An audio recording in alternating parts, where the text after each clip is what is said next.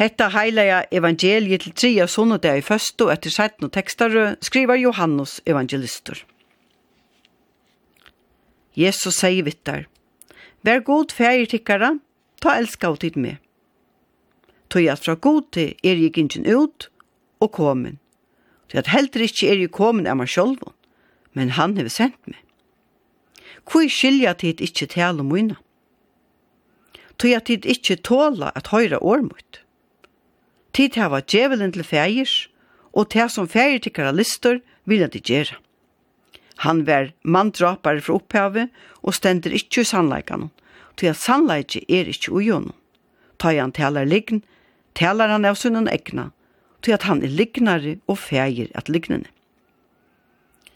Men jeg tog at jeg taler sannleikan, tryggva tid mer ikkje. Hvor tikkara kan sige med sekan og nekrare sint, Tal i sannleikan, hvor tryggva tid mer ikkje. Tan som er av gode, høyrer Guds år. Tid høyrer ikkje. Tess vegna er tid ikkje av gode. Gjøtan er sværa og søtt og vi han. Er det ikkje rett som vi sia at du erst en samariebykve og at ytler antir ut her? Jesus sværa i, ikkje er nekkar ytler antir mer, men i er i feir mun, og tid vann æra med. Men jeg søker ikke æra mine. Tan er som søker henne og dømer. Sanneliga, sanneliga sier tikkon, om nekar varva etter årmut, skal han om altor og atlar æver ikkje sutja deia.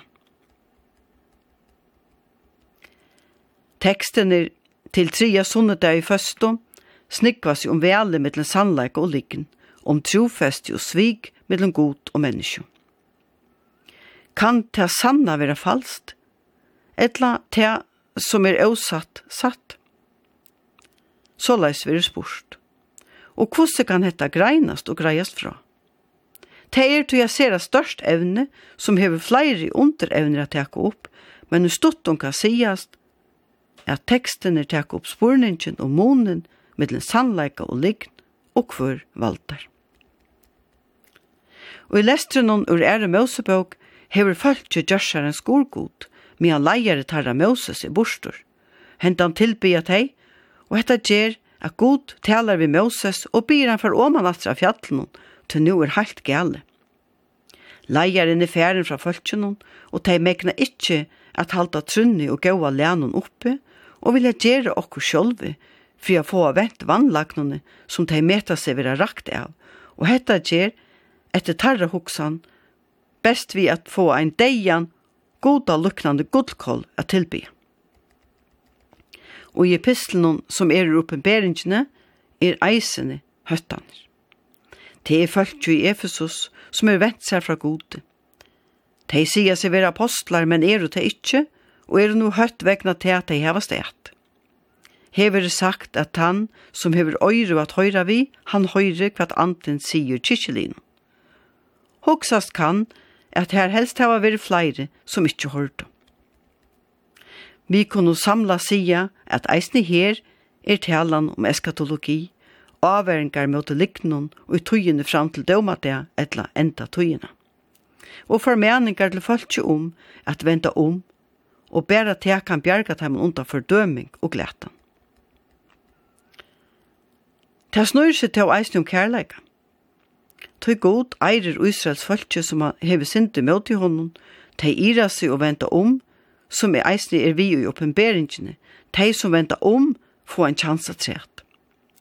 Og i kærleik og sannleika vera menneskje fyrirgivin om tøy venta om fra tarra vonda vei.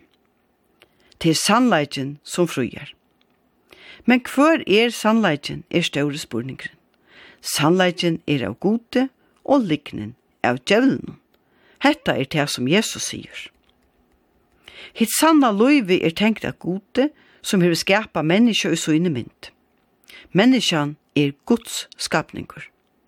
Men menneska var fræsta av liknende, og her vi dømtlig glætan orsaka av liknende.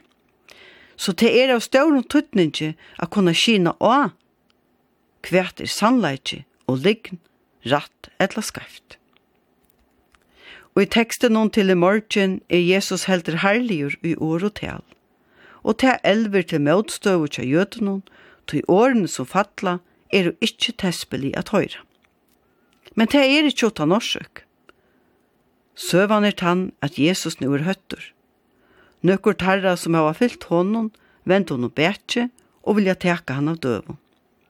Tei hava, som sagt er, djevelen til feir tog djevelen er feir at lignende. Og hese liva ikkje i sannleikan, men i lign. jo var harst. Til nekvar meiningar om hva det satt og ikkje satt. Her kan eisne prætikast om Jesus samleika og sannleika. Spyrjas kan om og sværast på hva det er satt og ikkje satt ut fra årenon som Bibelen lærer okkom tekast kan eisne evne opp om hva atronavur og politikkor hava gjørst vi ståra hotekje sannlega. Gåan sunnede. Vi skulle nu høyra solmen ter god som ein rævur himni og.